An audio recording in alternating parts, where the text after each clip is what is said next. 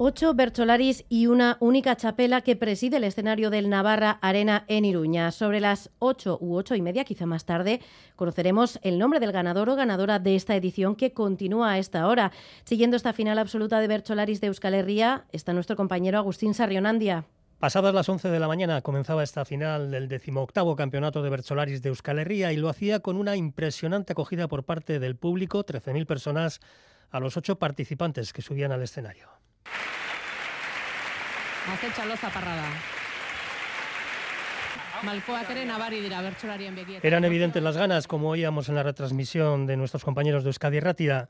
Algunos de los que hoy están sobre el escenario tienen una amplia trayectoria. Lujambio, siete finales y dos veces Chapeldún. Colina y Mendiluce, seis finales. Arzayus, cinco y una chapela. Gastelumendi, tres finales.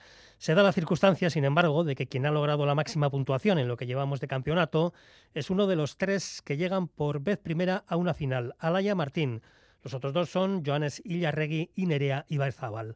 Visto lo visto y oído lo oído esta mañana, se antoja difícil hacer un pronóstico. Uste dut aurten e, txapeldunaren izena eta batez ere txapeldun ordearena sekula ez bezain irekita dagoela. Esa la opinión del Bercholari John Martín, pero otros, como por ejemplo Xavier Repayá, apuntan ya a Lujambio y Colina como favoritos. Todavía quedan las pruebas de la tarde, entre ellas el Burus Burucoa, entre los dos que obtengan la máxima puntuación, tras las pruebas que comenzarán a las 5. El resultado final pasadas las 8 de la tarde. Y a destacar de esta final, que es la primera a la que llegan tres mujeres, y que llegan, nos decía quien fuera la primera mujer Bercholari, participante en la final de 1985, Cristina Mardaras, para quedarse. Nik uste emakumea gelditzeko etorri dela, ez bat eta bita iru, niretzat zer esan gure dau, ba justizia egiten ari dala. Pues con el bercho de inicio, el agurra de una de ellas, Nerea Ibarzabal, nos quedamos. Un bercho que nos habla de nuevos tiempos. Aro berrien jaiotza, egunon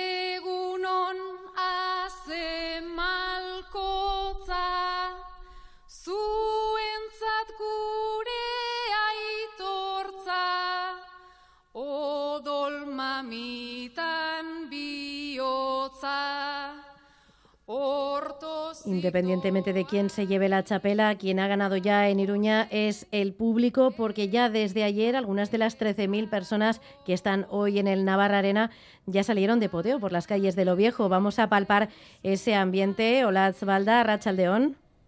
A Racha León, ambiente inigualable. Miles y miles de personas, 13.000 en total, se han acercado hasta el Navarra Arena, al gran pabellón de eventos de Pamplona. Y tenemos que decir que a esta hora no hay un alma en la calle. Algunas cuadrillas incluso llevan desde el viernes aquí y han aprovechado el fin de semana entero en la capital navarra. Venidos desde todos los chocos de Euskal Herria, familias, amigos o en pareja, los berchosales que nos encontrábamos al comienzo de este gran evento se mostraban muy contentos, con ganas de disfrutar el día. Algunos ataviados y cargados con varias mochilas, termos, neveritas y otros, sin embargo, dispuestos a improvisar. Bai, plan luzea, ondo prestatuta gatoz. Dena, dena ekarri dugu. Eh, bueno, ez pentsa ontxe, topatu dugu, bueno, ibili gara bilaz, eh, hemen inguruan eh, okinderi bat topatzeko zaila izan da. Bai, bazkaria, e, nik kinoa berdurekaz eta makarroiak. Ez improvisa bingo dugu apurtxo ez, ez, ez dugu inoenko izute eta ez dugu ezer bere karri, así que apurro sobre la marcha. De todas formas, la Asociación Berchozale El Cartea ya ha puesto una carpa con un menú en la Universidad Pública de Navarra para todos aquellos que no encuentren un lugar para comer. Una carpa que se llenará de gente en apenas, eh, en apenas unos minutos en cuanto termine la primera parte. Y entre plato y plato podrán intercambiar impresiones y opiniones. Opiniones que también hemos recogido en este micrófono de Radio Euskadi durante la mañana. Ba maialen. Leku aleko txapelduna. Eh, Beña Gaztelumendi. Beña Gaztelumendi. Beña Gaztelumendi, beto. Ez, nereagaz, nereagaz. E, ez, favoritoa gozatzea nire ustez. Saio ona egin dezatela eta honenak irabaz dezala. Como decimos, la jornada será larga e intensa en Iruña con una gran final que durará hasta las ocho y media de la tarde por lo menos y lo más probable es que después de tanto trajín el tumulto vuelva a dispersarse de nuevo a toda Euskal Herria. Es que ricasco Olatz, escuchamos el sonido de ambiente que nos llega del Navarra Arena. Aplausos y más aplausos. Recuerden que pueden seguir en directo la final de esta Bercho Chapelqueta en directo en ETV Bat y en E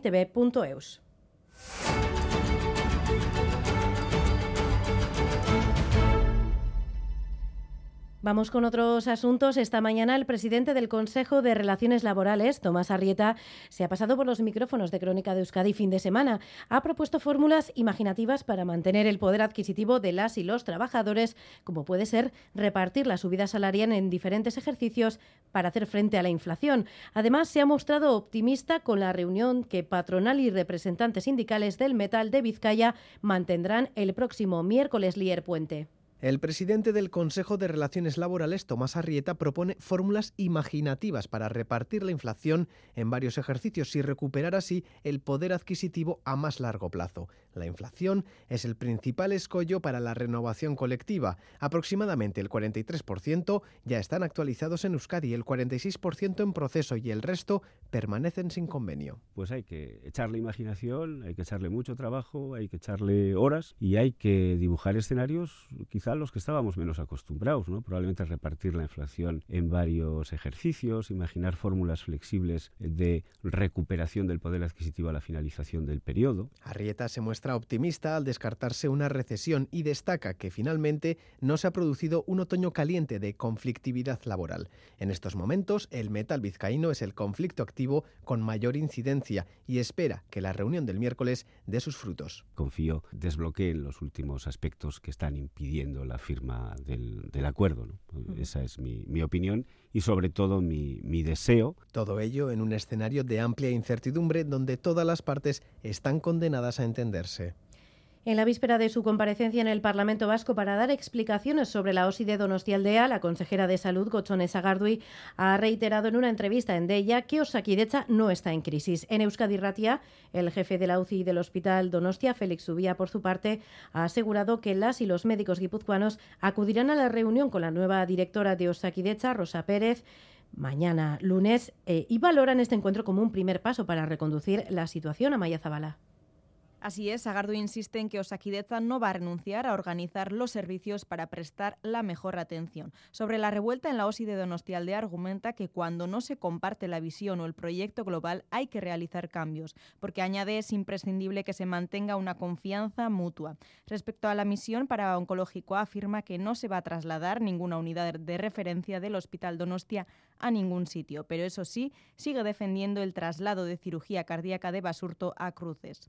Mañana los jefes de servicio de OSI Donostialdea se reunirán con la nueva directora de Osakideza, Rosa Pérez, y hoy en Euskadi Ratia, Félix Zubia, jefe de la UCI de Hospital Donostia, decía que se ha abierto una vía de comunicación. Gutxienez, ba, komunikazio bide bat ireki dela, oraindik ere ba, guk garbi daukagu ez dela aurrera pauso haundirik eman, baina bueno, ba, lehen pauso bentsat bada elkarrekin bildu, elkarri entzutea, eta hau bideratzeko gauza garen. También mañana la consejera de Salud, Gozones Agardui, comparecerá en el Parlamento Vasco para dar explicaciones sobre el conflicto de Osaquideza. En Iparralde hablamos de una usurpación de identidad. En las últimas horas han repartido un folleto en Cambó y en la zona de Bayona, firmado supuestamente por Pello Echelecu, presidente del Ipar Burubachar del PNV. En él aparecen declaraciones homófobas contra, entre otros, Jean-René Echegaray, el presidente de la Mancomunidad. El mismo Echelecu ha desmentido que él haya escrito la carta y la condena a Aitor Sagarzazu. Explica que alguien ha utilizado su nombre y califica lo ocurrido de pequeñez sucia. Escuchamos a Peio Echeleku, electo de Cambó. Dirudienez, trakta bat atal bat eh, edatua izan da ba Kambon eta ba Bayona aldean. Nun ere izena erabila den, hitz itxusi zikin batzu erabiltzeko, eh, bereziki nahiko homofoboak direnak, rielkargoko agintari batzuei buruz. El folleto tiene como título La verdad en el País Vasco. El subtítulo es Revelaciones de Peio Echeleku y el PNV, y en él se carga contra varios electos y trabajadores. Lo más destacable, se le acusa a Jean René Chegaray, presidente de la Mancomunidad de Iparralde, de malgastar dinero público, pero sobre todo se le ataca por ser supuestamente gay en un texto lleno de declaraciones homófobas. Echelecu desmiente que la nota sea suya, dice que lo escrito es inaceptable y condena de manera firme las palabras y las formas utilizadas. Igualmente no quiere darle más importancia al tema. Bat dut nire izenaren erabilpenari buruz, eta holako gauzak ez diten Tanto él como Echegaray expresan que interpondrán una denuncia. El ministro de Presidencia del Gobierno español, Félix Bolaños, ha acusado al Partido Popular de tratar de controlar la democracia por la puerta de atrás con su recurso ante el Tribunal Constitucional. Advierte además de las graves consecuencias que tendría que el órgano se alinease con esta maniobra de los populares. Bolaños confía en que mañana el Constitucional no acepte el recurso de amparo presentado por el PP, donde pide suspender la tramitación parlamentaria de dos enmiendas por las que se reforma el sistema de elección del Poder Judicial. El Partido Popular está intentando llevar al límite a las instituciones democráticas. El Partido Popular, el señor Feijó, quien quiera que mande en la derecha, tratan de controlar la democracia por la puerta de atrás. Tratan de tumbar los avances sociales y los nuevos derechos antes de que se aprueben incluso en el Parlamento. Porque recordemos que a la derecha todo le parece inconstitucional. Hubieran tumbado la reforma laboral, la ley de matrimonio homosexual, la ley de igualdad, la ley del aborto, la ley de eutanasia.